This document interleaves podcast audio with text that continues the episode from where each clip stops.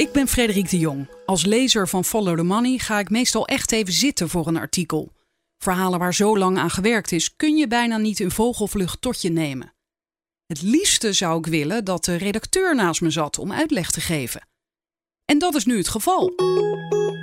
Spreek hem eens in. Frederik vraagt door.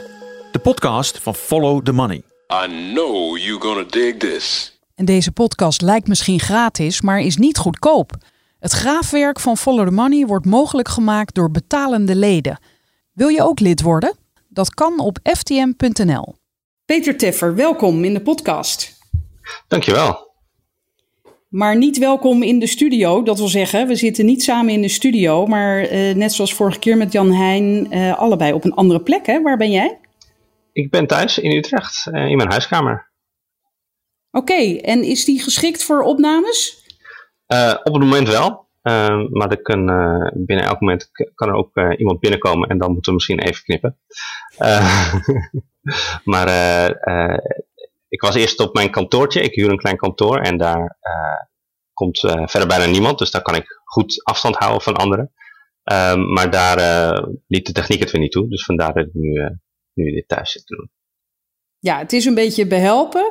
En wat doet de coronacrisis nog meer met jouw werk? Um, een aantal onderzoeken waar ik mee bezig was, daarvan heb ik bedacht, die uh, schuif ik even op de wat langere baan. Uh, omdat er op gebied van uh, corona natuurlijk ook heel veel interessants en belangrijks te melden is en te onderzoeken in mijn dossier. Ik kijk vooral naar de geldstroom van de Europese Unie en hoe die in Nederland worden besteed. Maar ik heb ook heel veel ervaring met hoe Europese wetgeving werkt en wat de verschillende instellingen van de EU doen. Dus die kennis gebruik ik nu ook om te kijken wat er uh, aan, aan ja, Europees coronabeleid uh, gebeurt. En of er, nou ja, goed, het, het, het, onderwerp waar we vandaag over gaan hebben, wat eerdere uitbraken hebben gedaan met die samenwerking tussen Europese lidstaten. Ja, en dan is jouw titel meteen vrij helder eigenlijk.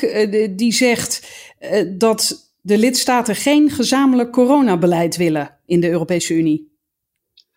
Ja, eigenlijk al sinds het begin van Europese integratie hebben lidstaten besloten dat ze op het gebied van volksgezondheid geen bevoegdheden willen overdragen. Dat klinkt dan meteen heel statig, maar eh, de Europese Unie is eigenlijk een samenwerkingsverband waarbij je niet moet denken dat de Europese Commissie in Brussel alles zelf kan besluiten.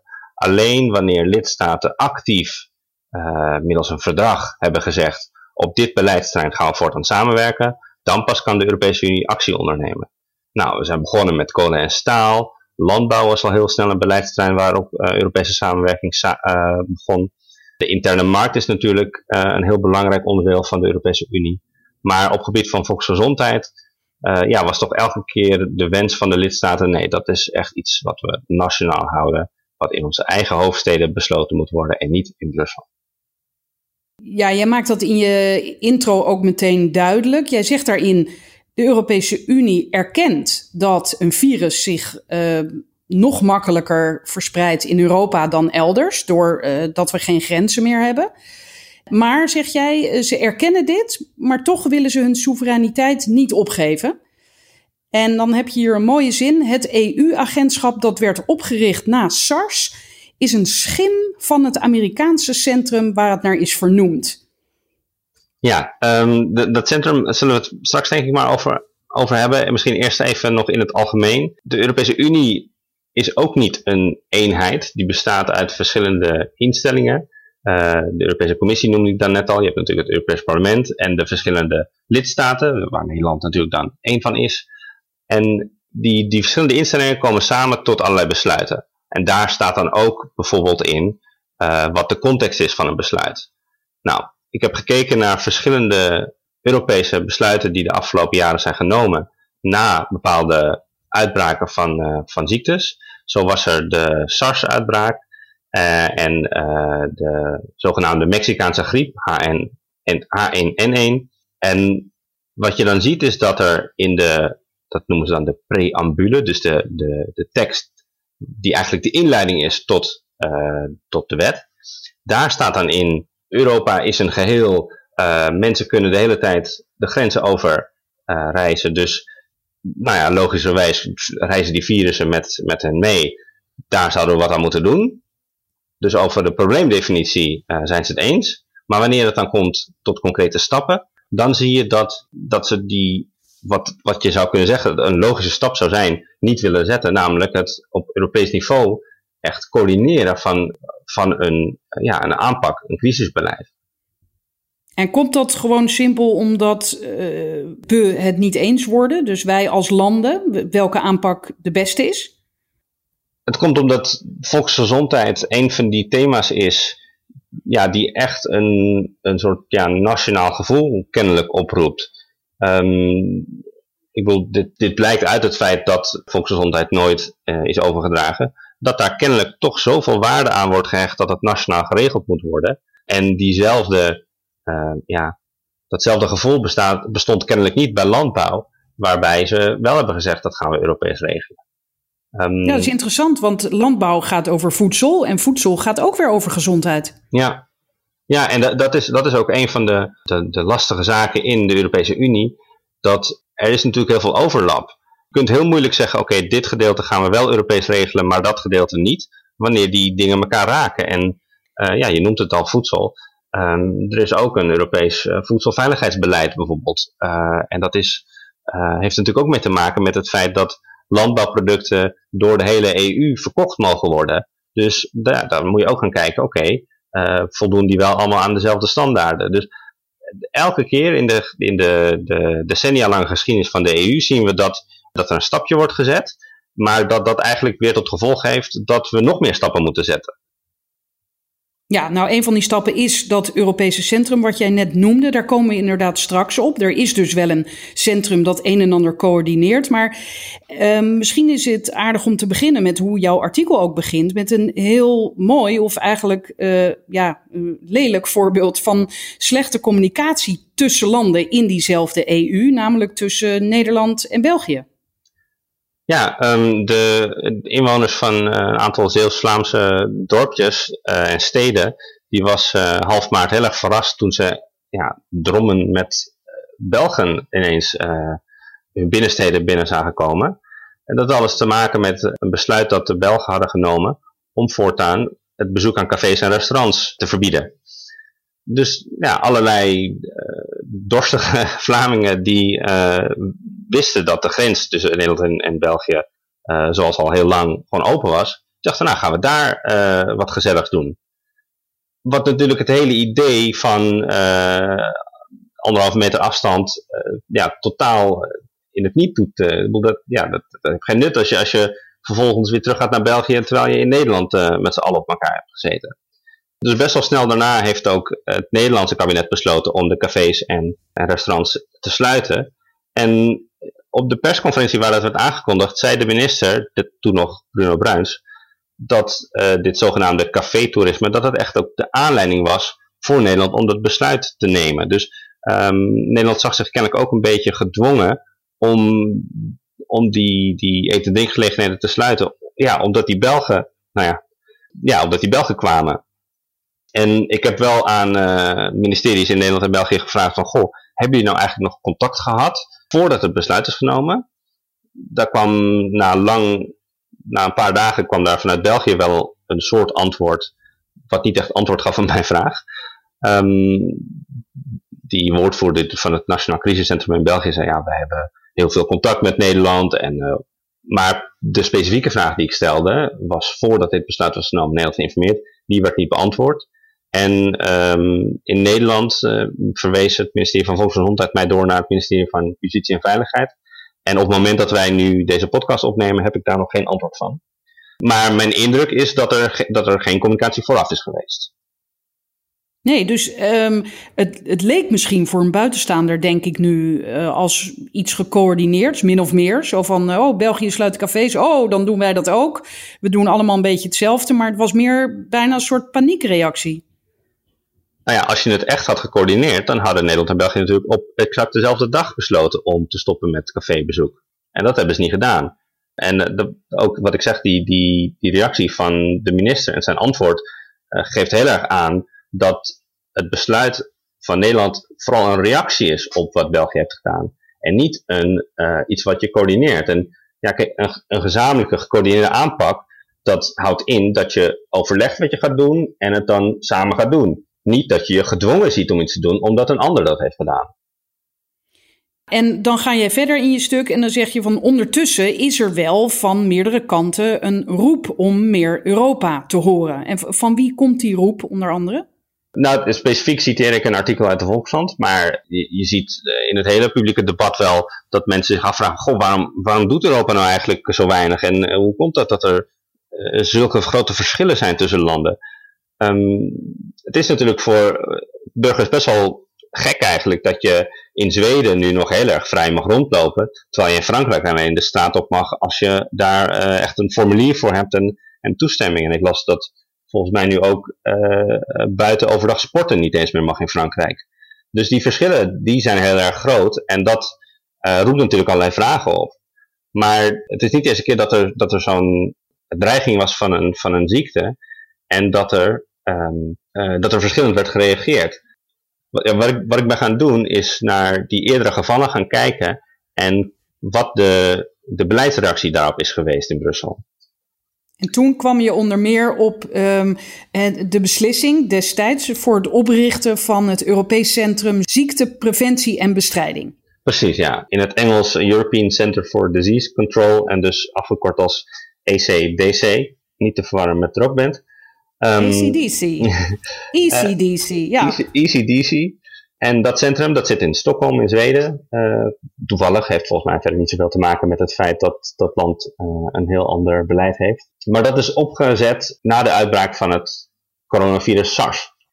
En de documenten die eigenlijk de oprichting van dat centrum regelen, daarin staan ook allerlei, ja, daar staat een, een hele uitleg waarom dat centrum nodig is. En dat gaat ook over, we hebben open grenzen, dus kunnen mensen die een virus hebben, uh, die kunnen gemakkelijk de grens uh, over. Dus we moeten samen iets doen. Zo'n centrum kan er alleen komen als de meerderheid van de lidstaten daar ook mee eens is. En dus um, was er ook een Nederlandse reactie op dit voorstel om dat centrum op te richten. En daarin wordt ook SARS specifiek genoemd als een aanleiding om dit centrum op te richten. Het kabinet van destijds zei, ja, dit is er is momentum, uh, SARS was een wake-up call en dus moesten we dat centrum gaan oprichten. Oké, nou dat centrum is er gekomen. Alleen als je goed kijkt naar wat voor mandaat het heeft en wat voor uh, middelen er beschikbaar zijn, dan is het nogal gek dat het de European Center for Disease Control is genoemd. Want die titel die komt rechtstreeks uit Amerika. In Amerika heb je het, het Center for Disease Control, dus het CDC. En als je die twee instellingen naast elkaar legt, ja, dat, dat is echt een wereld van verschil. Bij het CDC in Amerika werken iets van 10.000 mensen. Bij het uh, European CDC in Stockholm werken er 180, plus nog wat uh, gedetacheerde mensen. Uh, de begroting van de CDC in Amerika is zo'n 7 miljard. de begroting van het Europese, van het, Europese centrum is 58 miljoen per jaar. Dus dat, oh, zijn dat is nogal verschil. Dat is een behoorlijk verschil. En dat valt ook wat te verklaren, want de, de taken van het Europese centrum zijn ook veel uh, kleiner. Ze, ze, hebben veel minder taken en ze hebben veel minder macht. Maar uh, destijds, in 2003, toen de minister uh, over dit voorstel schreef, toen noemde hij dat Europese centrum een, een, tegenhanger van het Amerikaanse CDC. Ja, dat is echt overdreven, want dat is het, niet, dat is het nooit geworden. En dat was ook eigenlijk nooit de bedoeling geweest als je kijkt naar welk mandaat het heeft gekregen. Oh, want ik wilde eigenlijk aan jou vragen, ging de oprichting van het centrum makkelijk? Maar die indruk krijg ik wel. Maar nu blijkt dus eigenlijk dat het vrij weinig macht heeft en, vrij weinig geld. Ja, uh, het, het, was ook een. Um, er was al een, een soort van ja, informeel samenwerkingsnetwerk van uh, deskundigen uit de verschillende lidstaten. Dat bestond sinds uh, 1998. En eigenlijk is dit centrum een soort formalisering van dat netwerk maar dan met een eigen, ja, een eigen gebouw en uh, meer personeel en dergelijke. En wat ik niet heel erg uitgebreid in het artikel heb beschreven, maar uh, er waren ook best wel wat mensen die destijds zeiden, ja, dit netwerk werkt ook prima, we hebben niet per se een centrum nodig. Maar het staat natuurlijk wel stoer dat je nu ineens een Europees centrum opricht uh, als reactie op SARS. Ja, nou niet alleen stoer, maar het lijkt dan voor de burgers, de, de niet oplettende burgers, zoals ik, van oh, dat is goed, we hebben ook zo'n centrum. Oh, fijn, gelukkig. Maar als je er dus, zoals jij, even wat dieper induikt, dan zie je eigenlijk van ja, hallo, wat, wat kan dat centrum? Ja, het is, niet, het is, het is ook niet overbodig. Um, het doet nuttig werk. Um, ik heb Want twee, wat doen ze dan precies? Ze doen vooral aan informatiedeling en aan trainingen. Als je kijkt naar wat de RIVM aan richtlijnen opstelt, dan is het ECDC vaak een bron voor ze. En ook de instelling die eigenlijk door heel Europa kijkt wat alle gevallen zijn van besmettingen en overlijdens en dat in kaart brengt. En daarnaast, in zeg maar niet-crisistijd, heeft het ECDC ook heel veel mensen opgeleid. Uh, je kon als uh, deskundige uit uh, welke lidstaat dan ook, je kon gedetacheerd worden bij het ECDC en daar allerlei kennis op doen. En ik heb twee experts gesproken van de Universiteit van Maastricht. En die zeiden dat dat ja, toch behoorlijk nuttig was, omdat bij dat soort trainingen, ja, dat zorgde ervoor dat de, de algemene deskundigheid omhoog ging. En op een gegeven moment schrijf ik ook in het artikel, dit centrum is gewoon niet voor elke lidstaat even nuttig. Want in Duitsland, ook in Nederland en een aantal andere westerse landen, hebben we gewoon heel veel experts op dit gebied. Maar de wat kleinere en de wat armere lidstaten, ja, die hadden nogal een, uh, ja, toch wel, ja, je kan toch wel zeggen een achterstand. Dus wat dit centrum wel heeft gedaan, is ervoor zorgen dat dat kennisniveau in uh, Zuid- en Oost-Europa uh, ja, wat meer is opgekrikt. Dat zeggen die, die experts die ik daarover sprak. Dus zij zeggen ook, het is, niet, het is niet een overbodig centrum, het is niet slecht dat het er is, maar we moeten er gewoon niet zoveel van verwachten als, ja, ja, als, als wat sommige mensen doen. Maar als jij dan zegt, wij hebben in Nederland voldoende experts, maar toch uh, baseert het RIVM veel uh, informatie op bronnen van dat ECDC, zei je net? Ja, ja dus, dus allerlei wetenschappelijke uh, artikelen en, en, en adviezen die vanuit de ECDC komen, die vinden ook wel hun weg. Um, maar goed, het, de EVM gebruikt ook informatie van de Wereldgezondheidsorganisatie. Dus het feit dat je informatie van dat soort instellingen gebruikt, betekent niet dat je de experts niet hebt. Maar dat, dat, dat streef ik vooral om aan te geven dat het, dat het gezaghebbend is. Nou ja, en ik zei het ook meer om, om te benadrukken dat het kennelijk niet alleen voor de armere lidstaten, maar ook voor ons dus handig is, voor het, namelijk voor het RIVM. Ja, klopt. Ja, maar ik, ik, ik denk dat er waarschijnlijk wel verschillen zitten ook in eh, laat ik het zo zeggen. Die experts die ik sprak, die zeiden dat voor de, zeg maar, de RIVM van Bulgarije of de RIVM van Roemenië, als je daar werkt en je hebt een tijdje bij de ECDC gewerkt, ja, dat dat echt wel uh, een soort van allure heeft. Terwijl in Duitsland, waar een van die experts vandaan kwam, dat toch een stuk minder is. En ja, dat, dat komt natuurlijk ook gewoon omdat Duitsland heeft zelf gewoon veel van dat soort uh, deskundigen al rondlopen. En dan verderop in jouw artikel uh, zeg jij dat de Europese Unie eh, zich nu wel realiseert dat er misschien wat meer geld uh, en mensen naar dat centrum toe moeten. Dus daar wordt over gesproken, meen ik. Daar moet nog over besloten worden. Maar dan zegt een van die experts ook weer van ja, wacht even, meer geld en dan misschien meer taken, maar misschien moeten we dat helemaal niet willen. Dus dan blijkt kennelijk een van die experts ook iemand die, die het liever binnen het eigen land houdt.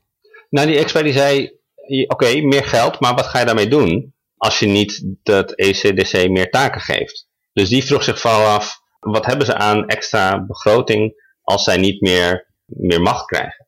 Aha. En dat is natuurlijk wel een goed punt, want nou ja, laten we als voorbeeld nemen, iets wat, wat het centrum doet, is in kaart brengen waar al die, uh, waar alle gevallen zijn van besmettingen. Ja, dat is toch een soort van bottom-up proces eh, die informatie komt uit de lidstaten. Dus ja, hoeveel kun je dat nog versnellen door, uh, door daar meer mensen in Stockholm te zetten? Dan zou je eigenlijk meer mensen uh, nou ja, hier door het hele land en door heel Europa moeten zetten. Uh, om ervoor te zorgen dat de GGD's in de ziekenhuizen sneller dat soort informatie ja, hè, naar, naar boven sturen naar de RIVM en naar, naar Stockholm. Ja, dus dan kom je toch weer een beetje uit bij het soevereine model, dat ieder land het voor zich doet. Ja, uh, voor dit jaar wil de Europese Commissie iets van iets meer dan 3 miljoen uh, extra beschikbaar stellen. Maar uh, het grote gesprek zal gaan over de zogenaamde meerjarenbegroting. Dat was tot een maand of wat geleden was dat het topic in Brussel. hoe gaan we van 2021 tot 2027 het EU-geld verdelen en welke, welke beleidsterreinen zijn het belangrijkst. Dat was een enorme hoop oogoplopende discussie die nu natuurlijk door de actualiteit is, uh, is ingehaald. En de commissie wil nu ook dat eigenlijk we weer even een soort van reset doen. Oké, hoe gaan we die begroting gebruiken om de coronacrisis te boven te komen? Uh, het zal nog moeten blijken of dat betekent dat het agentschap in Stockholm veel meer geld krijgt. En ja, dan zal toch ook de discussie moeten, moeten gevoerd worden. Uh, komen daar extra bevoegdheden bij te kijken? Ja, of dat, of dat gaat gebeuren, um, dat is speculeren op basis van de vorige ervaringen denk ik van niet. Want er is nog een andere beleidsreactie geweest waar ik over schrijf. In reactie op de, wat eerst de vakkersgriep heette en toen de Mexicaanse griep, hebben landen in Europa op een gegeven moment ja, een beetje met elkaar geconcurreerd om vaccins te kopen. En die ervaring leidde ook weer tot een nieuw uh, Europees besluit, tot samenwerking. Um, en ik heb gekeken naar wat de verschillen waren tussen het voorstel uh, en wat de lidstaten uiteindelijk wilden accepteren. Want nogmaals, de Europese Commissie kan wel mooie voorstellen doen, maar iets wordt pas een Europese wet als de lidstaten daar ook akkoord mee zijn gegaan. En die kunnen dan met de pen allerlei wijzigingen doorvoeren. En wat ik zag is dat de commissie nogal probeerde om dwingender taal erin te zetten. Namelijk dat lidstaten zich, ja, zouden moeten samenwerken en hun maatregelen moeten coördineren. Maar daar heeft dan, hebben dan de lidstaten toch weer allemaal zinnetjes toegevoegd van ja, tenzij bla bla bla. Uh, het zou kunnen dat. De, dus um, dat, is, dat is toen best wel afgezwakt. Dus uh, op basis van die eerdere ervaringen ja, verwacht ik niet dat nu ineens de lidstaten zeggen laten we maar alles nu Europees regelen. Ja, terwijl ik als lezer was ik, eh, merk, betrapte ik mezelf erop dat ik dacht, ja, inderdaad, oh goed, er komt meer geld, misschien wel meer taken, dat is nu echt nodig. En dan op, opeens ligt het allemaal weer open. Ik was eigenlijk uh, als lezer een beetje op het verkeerde been gezet. Nou ja, dat is toch leuk dat de Europese Unie uh, jou toch ook weer uh, kan verrassen. Ja, kennelijk ja. Nou, dankjewel Peter. Graag gedaan. Tot de volgende keer. Misschien ja. dan weer in het echt. Ja. Tot zover deze aflevering van Frederik Vraagt Door. Wil je meer horen en lezen? Ga naar ftm.nl en krijg onze maand op proef.